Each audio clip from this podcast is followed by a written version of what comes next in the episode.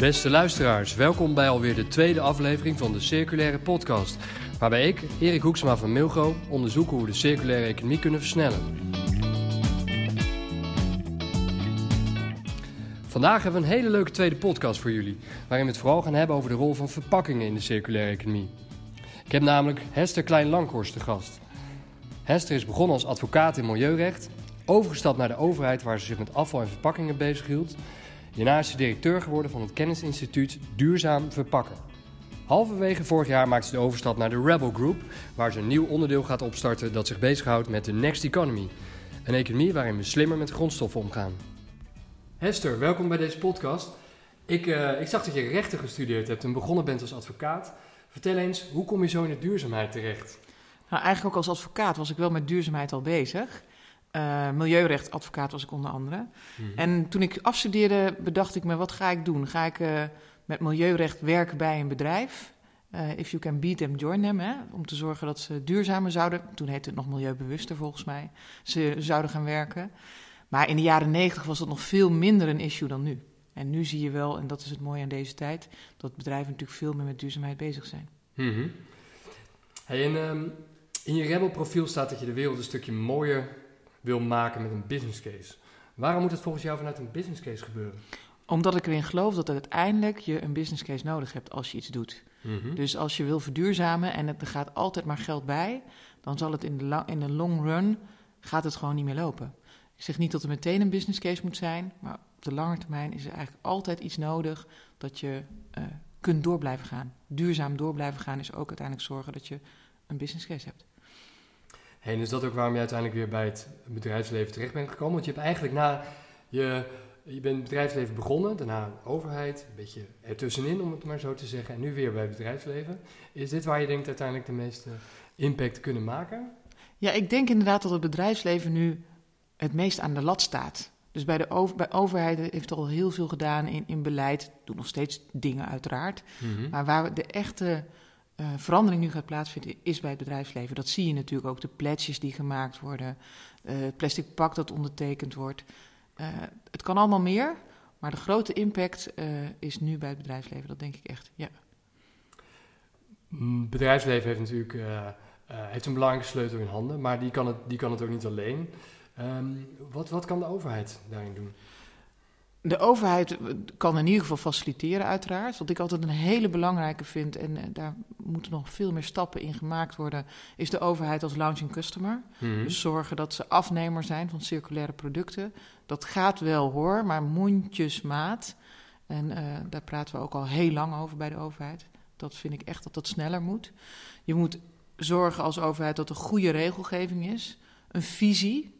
Het feit dat er in um, Duitsland zoveel zonnepanelen uh, op daken liggen, is puur door een visie van de overheid.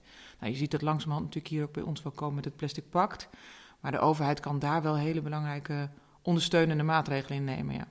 Maar denk je niet dat het te lang duurt als we aan het bedrijfsleven overlaten? Want uiteindelijk is het bedrijfsleven toch vooral gebaat bij uh, uh, financiële duurzaamheid. En hoe zorgen we ervoor dat, dat zij sneller gaan? Dat we deze economie circulaire economie sneller op gang brengen? Ja, dat denk ik wel. Ik denk dat als je het alleen aan de, uh, het bedrijfsleven overlaat, dat het dan te langzaam gaat. Mm-hmm. Uh, het probleem, tussen aanhalingstekens, het probleem bij circulaire economie is ook dat de urgentie nog niet zo groot is. We voelen nog niet dat het uh, verkeerd gaat als we niet circulair zijn. Je ziet wel steeds meer bedrijven die zeggen in de lange, op de lange termijn moeten we circulair zijn, want anders gaan we het niet redden. Mm-hmm. Maar dat gevoel, dat echte van we moeten nu veranderen, dat is er nog niet. Uh, want er is genoeg plastic, hout, papier, nou, noem maar op, glas. Maar het is er voorlopig nog, toch? Dus hoe ja. zorgen we ervoor dat we die urgentie wel voelen? Nou, als je die urgentie... Ik denk dat er een aantal dingen zijn die wel aan het kantelen zijn. De plastic soep doet mm-hmm. heel veel. Het is een afgeleide, hè? Want plastic soep is natuurlijk, heeft helemaal tussen aanstekens niks te maken met de plastic verpakking die jij op je tafel hebt zitten. Maar daardoor komt er wel heel veel aandacht voor plastic en hoe we daarmee omgaan. Soms schiet dat door, absoluut. Maar dat doet wel wat. Um, want iedereen voelt dat. Plastic soep is gewoon niet oké. Okay. Dus we moeten anders omgaan met plastic. Nogmaals, soms schiet het door. Uh, en daar moet je voor uitkijken. Maar het geeft wel meer druk, denk ik, zeker op de business-to-consumer bedrijven. Oké, oké. En uh, dat, uh, je noemt net het plastic soep uh, probleem inderdaad. Hoe, hoe, hoe, groot is dat probleem volgens jou? Ik vind dat een heel groot probleem. De plastic soep als zodanig um, is een groot probleem omdat we de oplossing niet hebben hoe we dat tegen moeten gaan. En wat maakt dat het zo moeilijk is dat die, op, of dat die oplossing er nog niet is? Als je kijkt naar hoe we in Nederland uh, glas recyclen of, uh, of hoe we um, uh, papier inzamelen. Dus dat doen we allemaal hartstikke goed met hoge recyclingspercentage bijvoorbeeld. Waarom is het zo voor plastic zoveel moeilijker om te organiseren? Nou, als je kijkt naar de, datgene wat echt in de plastic soep belandt mm -hmm. aan flesjes, dan is dat niet zoveel van hier. Dus het probleem zit hem niet zozeer in de recycling als zodanig in Nederland. Dus dat hebben we eigenlijk best goed voor elkaar. Dat moet ook beter. Maar voor de plastic soep zal dat niet direct heel veel uitmaken. Plastic soep eigenlijk, maar alles wat je in, ook blikjes, alles wat je in het uh, milieu gooit, zonder het op te rapen en netjes weg te gooien, is een, uh, ook een sociaal probleem. En dat maakt het heel lastig. Dus aan de ene kant heb je een materiaal wat heel goed plastic soep heb je hoor, maar ook een blikje vergaat niet hè, op de grond. Glas ook niet. Mm -hmm. Dus alles wat je op de grond gooit, wat daar niet hoort, doet het heel goed als verpakking. Omdat het namelijk heel erg steady is en, en datgene heel goed beschermt wat het moet beschermen. Het product, het, de cola die erin zit of uh, het uh, vleesbakje. Maar aan de andere kant, op het moment dat je het in het milieu gaat gooien, zonder dat het daar hoort te liggen, gaat het niet weg. Het probleem zit hem dus in niet eens zozeer in het feit dat er betere recyclesystemen moeten komen. Dat moet ook, omdat je circulair wil zijn. Mm -hmm. Het probleem zit erin dat je moet zorgen dat uh, het niet in het milieu terechtkomt. Dus het sociale aspect is daar een hele belangrijke in. En hoe lossen we dat dan probleem dan volgens jou dan op? Nou, in ieder geval zijn er een aantal dingen die je uh, daarin kunt doen. En dat is inderdaad uh, de burgers nog meer opvoeden, om het zo te zeggen. Mm -hmm. Er zijn natuurlijk, uh, wat je wel heel mooi ziet, is een bewustwording ook vanuit de bedrijven nu. Want je kunt ook niet als bedrijf zeggen, ja, het is niet mijn pakje Jan, want het is de consument die het weggooit. Nee, je ziet dat bedrijven daar ook steeds meer hun uh, verantwoordelijkheid wel in nemen. Uh, ik denk zelf ook echt hoge boetes. Dus net zoals in Singapore en Shanghai. -huh. Um, dat zal heel erg helpen. Uiteindelijk... Um, moet je aan, moeten in die hele keten moeten de stappen genomen worden om te zorgen dat je de plastic soep aanpakt. En de consument heeft daar gewoon ook echt een belangrijke rol in. Maar je zegt, het, het, het is een groot probleem, maar het grootste probleem ligt eigenlijk buiten, buiten Nederland. Dus we doen het hier eigenlijk wel goed. Wat kunnen we hier dan zelf nog beter doen? Aan de plastic soep. Nou, de bedrijven die hier zitten uh -huh. en die bedrijven hebben in, uh, ik noem maar in Indonesië en dergelijke, die kunnen daar natuurlijk wel veel doen. Ja. Het probleem daar is, dus het probleem hier is niet met de recycling. In, in Azië, ook uh, Afrika, daar heb je natuurlijk wel te maken met een niet goede inzamelsysteem voor verpakkingen, waardoor het in de plastic soep komt. Dus daar zit je, zie je wel dat je, als je daar wat doet aan de inzamelsystemen, dan kun je echt grote stappen maken.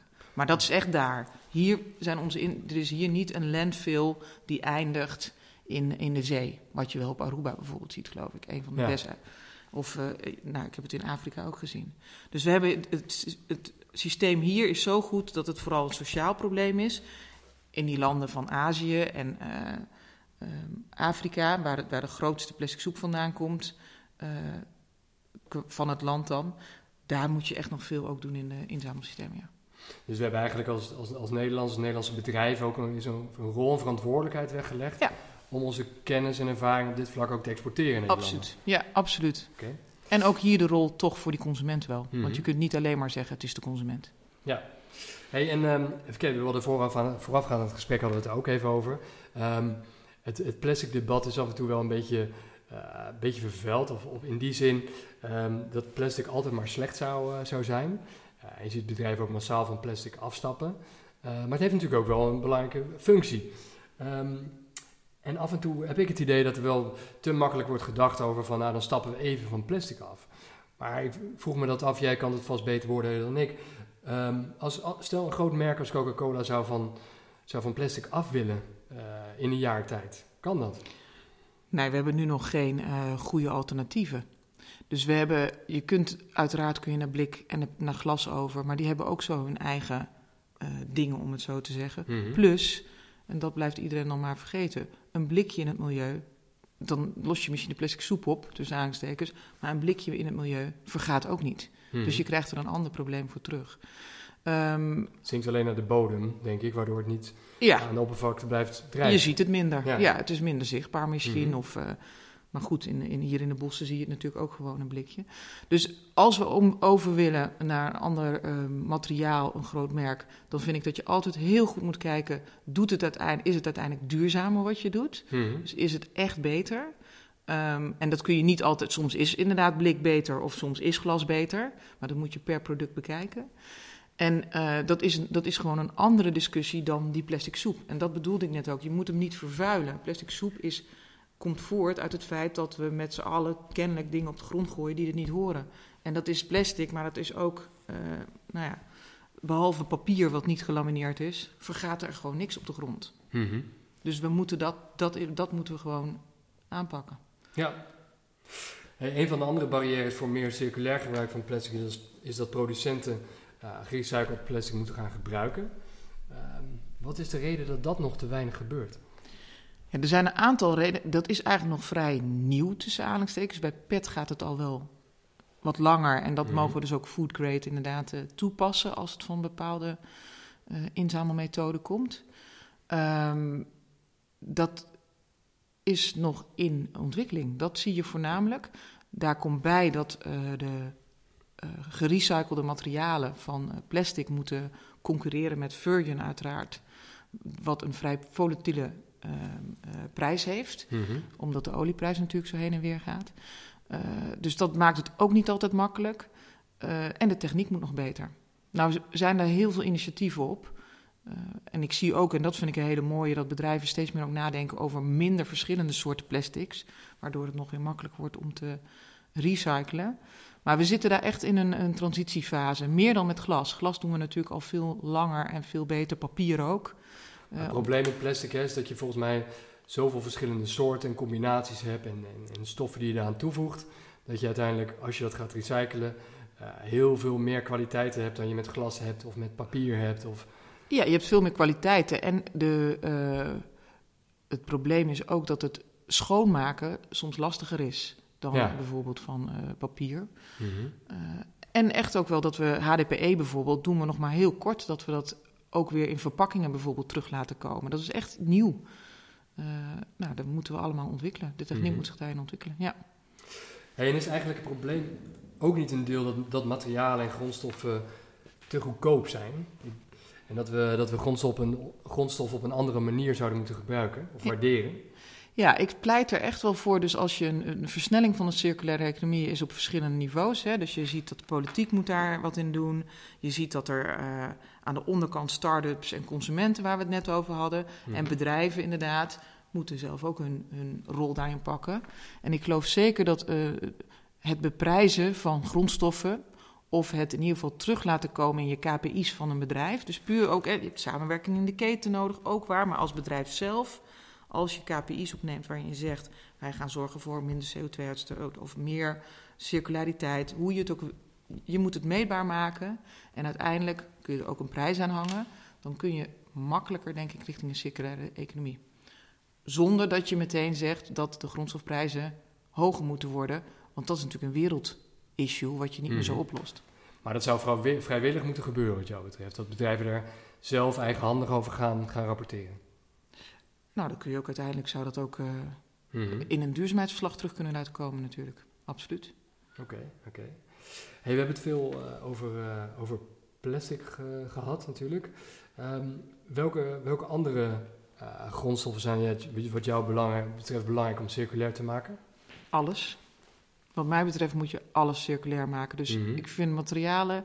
Het is eigenlijk heel makkelijk, hè? Onze ladder van Lansing nog steeds. Als je het niet nodig hebt, materiaal, gebruik het alsjeblieft niet. Dus waar je kunt verminderen, doe dat. En als je het gebruikt, zorg dan in ieder geval dat het eh, zoveel mogelijk één materiaal is. Zodat je het makkelijk kunt recyclen. Eh, en als je het dan recycelt, zorg ook dat je weer opnieuw het gerecyclede materiaal gebruikt. Dus ik vind dat alle materialen circulair moeten worden. Hey, en ehm, waar staan we wat jou betreft over tien jaar? Hoe ziet dan de, hoe ziet dan de economie eruit en hoe circulair zijn we dan? Nou, ik hoop eigenlijk dat de, waar we het net over hadden, hè, die druk, eh, Mhm. dat die groter wordt. En ik zie wel dat de, vooral de Europese Commissie aan het veranderen is daarin. En dat is niet eens alleen milieutechnisch ingegeven, maar dat is ook ingegeven door het feit dat we minder afhankelijk willen zijn voor onze, van onze grondstoffen van eh, landen zoals China of Rusland of het Midden-Oosten. Mhm. En daar zie ik, als daar nou eens wat meer druk ontstaat, onder andere door hogere recyclecijfers, maar ook door eh, langzamerhand naar gerecycled content toe te gaan. Dus ook echt te zeggen van nou, we gaan met z'n allen meer gerecycled content gebruiken. Dan ga je een trek zien voor gerecycled materialen naar, naar verpakkingen of andere materialen of andere producten. En dan zul je zien dat die keten veel makkelijker gesloten gaat worden. Mhm. En daarbij ook geloof ik dus dat alle niveaus nodig zijn. Dus je hebt de start-ups nodig met hun kleine, nieuwe, innovatieve eh, eh, dingen, eh, technieken. Maar je hebt ook de grote jongens nodig, de Unilevers, de Coca-Cola's, die veel meer massa hebben en veel groter zijn. Daardoor misschien minder grote stappen maken. Maar als zij een klein stapje maken, dan is die impact zoveel groter dan het kleine start-upje. Dus je hebt ze allemaal nodig. Maar je kunt van een groot bedrijf niet verwachten wat je van een, van een klein bedrijf kunt verwachten. Omdat een groot bedrijf, de business case nou eenmaal, is dat, die moet ook blijven draaien. Mhm. Maar dat duwen van die, van die eh, start-ups aan de ene kant en, en de consumenten aan de andere kant, dat maakt dat ook grote bedrijven steeds meer gaan doen. Nou, dat eh, klinkt als een hoopgevende boodschap. Hoe, hoe eh, optimistisch ben jij over de circulaire toekomst? Nou, dat vind ik wel een gewetensvraag, zeg. Ehm, ik geloof niet dat er ehm, een. een eh, ik geloof dat het geleidelijk gaat. Dus ik geloof niet meer, en misschien vro- vroeger wel hoor, de, het is nu het moment om te keren. ehm, ik geloof dat het geleidelijk gaat en ik geloof dat het niet alleen de circulaire economie is die geleidelijk gaat. Ik geloof dat er steeds meer ehm, consumenten willen dat, ze, dat bedrijven het netjes doen. Mhm. Dus niet corrupt zijn, dus niet hoge salarissen geven, maar ook netjes omgaan met materialen. En als je dat niet doet als bedrijf, dan word je daar op afgerekend. Dus is er altijd een belang dat bedrijven zich netjes blijven gedragen. Ik hoop dat we die, die trend die je ziet, dat die blijft doorgaan. En ik denk dat wel. En de standaarden worden daar weer steeds een stukje hoger, waardoor er Ja. geleidelijke overgang plaatsvindt naar een circulaire economie. Ja. Maar niet in één keer een grote bang. Dat geloof ik niet. Nee, Nee. dat geloof ik niet. Oké. Tenzij er, ja, dan moet er echt iets gebeuren waardoor de urgentie heel groot wordt. Maar die zie ik gewoon niet meer zo ontstaan. Mhm. Hey, een andere ehm, grondstofstroom waar ik nog even met je over wilde hebben is e-waste. Volgens mij ook eentje waar Ja. je veel eh, of kennis over hebt. Ehm, het probleem met e-waste is natuurlijk dat er ehm, zo, de- het groeit nog steeds enorm. Er zijn nog, eh, bij plastic hebben we, komen, er, komen in ieder geval wel oplossingen in zicht. Ehm, maar bij e-waste zijn die, eh, die oplossingen nog minder. Wat, eh, hoe, hoe zie jij de ontwikkelingen daar? Ja, e-waste zie je dat ook daar de druk vanuit Europa om meer te gaan inzamelen heel groot is. Dus er moet nu vanaf dit jaar 65% worden ingezameld, terwijl het gemiddelde in Europa zo rond de, wij zitten er ook op, hè, 45 tot 50% is. Dus dat is echt een grote stap. En bij, ehm, En kun je, dat, kun je dat probleem van e-waste nog eens voor de luisteraar nog iets beter uitleggen? Want ik denk, ik denk zelf dat volgens mij koelkasten en wasmachines en dergelijke, daar gaat het denk ik redelijk goed. Ja, die, want die worden vaak weer, Ja, weer meegenomen en, door, en die worden dan eh gerecycled via in Nederland Recycle eh, bijvoorbeeld. Ehm, is het dan met name de wat, wat kleinere e-waste die niet zijn weg vindt naar de, dat soort... Ja, wij, zien, wij zien nu inderdaad dat eh, met name telefoontjes en ehm, maar ook tandenborstels, eh, lampen natuurlijk, alhoewel dat wel steeds beter gaat. En dat heeft te maken met het feit dat je het makkelijk in een grijze bak gooit, toch? Eh, het heeft ook te maken met het feit dat je dat is niet iets wat je dagelijks doet. Verpakkingen en, en groenten, die gooi je dagelijks weg, dus daar heb je een handeling in. Ja, Ehm, en ik denk dat het ook voor een aantal burgers heel lastig is. Waar moet ik het naartoe meenemen? Mhm. Dus we noemen het ook wel de, eh de laadjesproblematiek. Dat veel mensen laadjes hebben waar nog heel veel elektronica in ligt. Dus daar zijn we nu ook wel mee bezig met de elektronica-branche. Om dat eh, in oktober een grote inzamelweek te laten zijn. Waarbij iedereen toch zijn laadjes eens op gaat ruimen. Nou, dat zou heel mooi zijn als je daar uh, stappen in kunt nemen. Een ander probleem bij elektronica is dat het een groot zwart circuit is. Anders dan uh, bijvoorbeeld verpakkingen, maar ook bioma biomassa, heb je een aantal stromen die vrij lucratief al zijn bij elektronica. Daar hoef je niet eens zo'n grote stroom te hebben. Koper is natuurlijk een hele bekende. -huh. dus dan zie je dat er een zwart circuit komt, waardoor je geen zicht meer hebt op wat er gebeurt met die stromen. Nou, daar proberen we nu steeds meer ook uh, dat in kaart te brengen. En dat een deel ook weglekt naar Afrika bijvoorbeeld? Ja. Of, uh, ja. ja. En dat daar natuurlijk ook je, ja, de, de hoeveelheid elektronica neemt nog steeds enorm toe. Dus dat is ook de reden dat er steeds meer. Ja, dat, ik, dat durf ik niet te zeggen of die nou toeneemt. Want aan de andere kant worden bijvoorbeeld natuurlijk televisies veel kleiner. Dus ik weet niet of het aantal kilo's nou zoveel toeneemt. Uh, omdat okay. we steeds kleinere telefoontjes en steeds. Uh, dat durf ik niet te zeggen. Mm -hmm. Of dat zo is. Het is ontegenzeggelijk waar dat het heel divers is. Nog veel diverser dan alle verpakkingenstromen. Want je hebt het van zonnepanelen, dat is het ook, hè, tot uh, fietsen. en, en de tandenborstel en nou, alles wat hier op tafel staat aan laptops en dergelijke ook. Dat maakt en het lastig. hebben al die producten weer hun eigen recyclingkanaal. Of, of om die grondstof weer te kunnen, kunnen gebruiken, moet je die allemaal weer op een productspecifieke manier kunnen behandelen. Ja, aan, toch? ja, je hebt een aantal grote verwerkers in Nederland. En, uh, maar dat is wel altijd inderdaad op een andere manier. Ja, dat is ingewikkelder, denk ik, dan de grote massa verpakkingen. Alhoewel de business case weer voor een aantal stromen binnen e-waste heel makkelijk is. Ja. Hey, en je, hebt, uh, je gaf ook aan dat je met, uh, met chemische recycling uh, bezig bent. Dat is voor, voor plastic, is dat, voor kunststof is dat een oplossing. Met name voor de plastics die je niet goed kunt recyclen, volgens mij. Um, misschien is dat nog even goed om uit te leggen. Wat is eigenlijk Ja. chemische recycling? Nou, wat Want je, ik, want ik vroeg me af, om een brugje naar e-waste te maken, waarom dat ook, of dat ook voor e-waste een oplossing zou kunnen zijn. Ehm, dat denk ik niet. Wel voor de plastics die bij e-waste worden gebruikt. Die er natuurlijk ook veel in zitten. Ja, Dat precies. zijn natuurlijk ook. Ehm, chemische recycling is niet alleen voor plastics. Hè. Je kunt het ook voor matrassen doen. Je kunt er eh, Mhm. behoorlijk wat eh, stromen in kwijt. Het is een, eh, een techniek die aan het opkomen is. In Nederland eh, lopen we redelijk voorop. Ionica kennen de meeste mensen natuurlijk wel, waarbij eh, PET niet, niet alleen mechanisch wordt gerecycled, maar ook chemisch wordt gerecycled. Dan wordt het afgebroken tot aan de molecuul.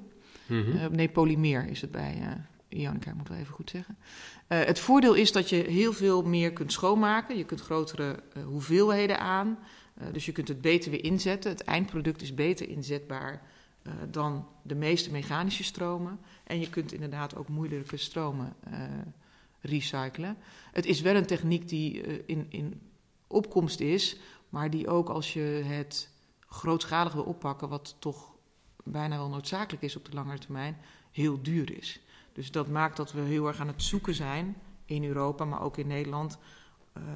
waar gaan de eerste twee, drie grote chemische recycle plants komen? Mhm. En we hopen dat dat in Nederland is, want het is uiteindelijk wel ook weer een weg voorwaarts om minder grondstofafhankelijk te zijn van andere landen. Dus momenteel zijn die installaties er nog niet. Dat is echt iets van, eh, van de toekomst. De echt grotere, die zijn er nog niet. Nee. Er zijn, nee, ik moet het anders zeggen. Ze zijn nog niet draaiend op grote schaal. Dus soms heb je wel al een plant ergens staan. Een Mhm. kleine plant, een pilot plant. Ja, zoals, zoals Ionica ook bijvoorbeeld, toch? Ja. Die ook van ehm, samenwerkt met, eh, met Unilever en Ja. Coca-Cola volgens mij. En daar zie je dus ook, dat is mooi in deze tijd, dat de afnemers, eh, Unilever, Coca-Cola, ook steeds meer investeren in die keten eh, om bijvoorbeeld chemische recycling beter toepasbaar te maken. En dat is wel echt iets van de laatste vijf jaren.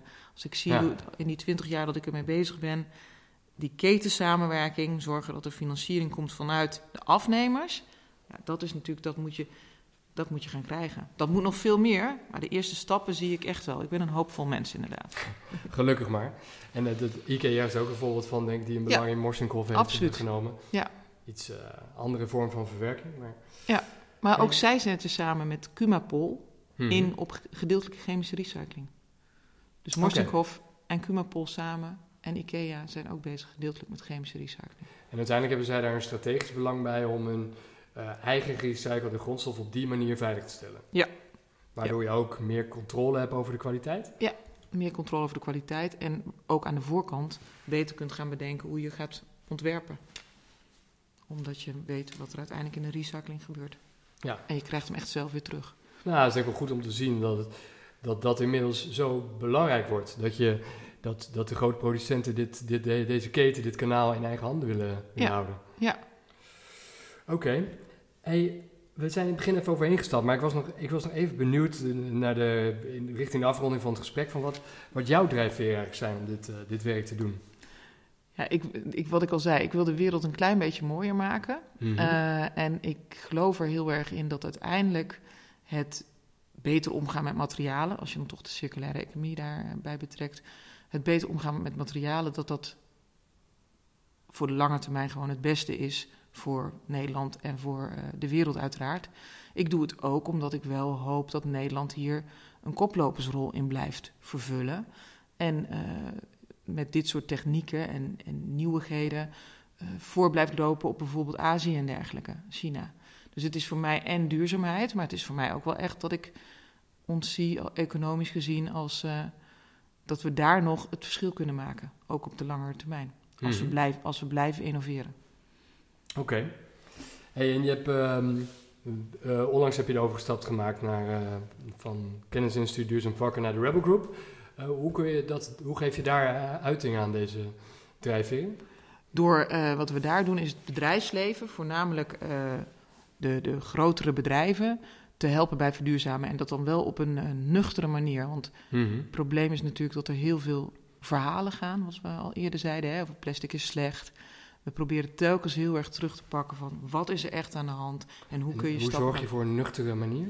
Eh, je kunt eh, LCA's maken, je kunt Dus op basis van feiten eigenlijk. echt op basis van feiten. Op basis van feiten en met in je achterhoofd.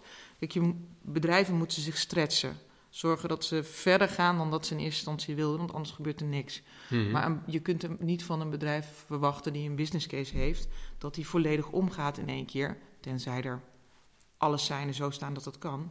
Maar hij moet gewoon ook een business runnen. Net zoals jij een business moet runnen, moet een groot bedrijf dat ook. Dus dat in je achterhoofd houdende, eh, zorgen dat die bedrijven toch stappen nemen, dat is wat we bij Rebel doen. Mooi. Een van de, de, de laatste vraag wat, eh, wat, wat mij betreft. Ehm, ik was even benieuwd voor de... Dit is een eh, podcastserie zoals je weet. Je hebt de eerste aflevering met Jan Jonker geluisterd. Wie zou je verder nog terug willen horen in deze serie? Ik zou eh, voor de circulaire economie zou ik het heel leuk vinden om eens vanuit het ministerie te horen wat ze nu zelf ook nog aan stappen gaan nemen. Of iemand van de Europese Commissie. En dan denk je aan Stientje van Veldhoven bijvoorbeeld? Nou, dat zou kunnen natuurlijk, maar je kunt ook een, eh, een, een, een ambtenaar die daar heel veel mee bezig is. Mhm, Oké, dat is goed. Hey, dank voor het gesprek, Hester. Ik vond het, eh, ik vond het weer een ontzettend boeiend gesprek. En ik, eh, ik kijk ernaar uit hoe de circulaire economie zich, zich verder gaat, gaat ontwikkelen. We zitten er middenin, hè? jij ook. Dus we Ik kunnen ook, het zelf precies. helpen. Hey, dankjewel. Dankjewel.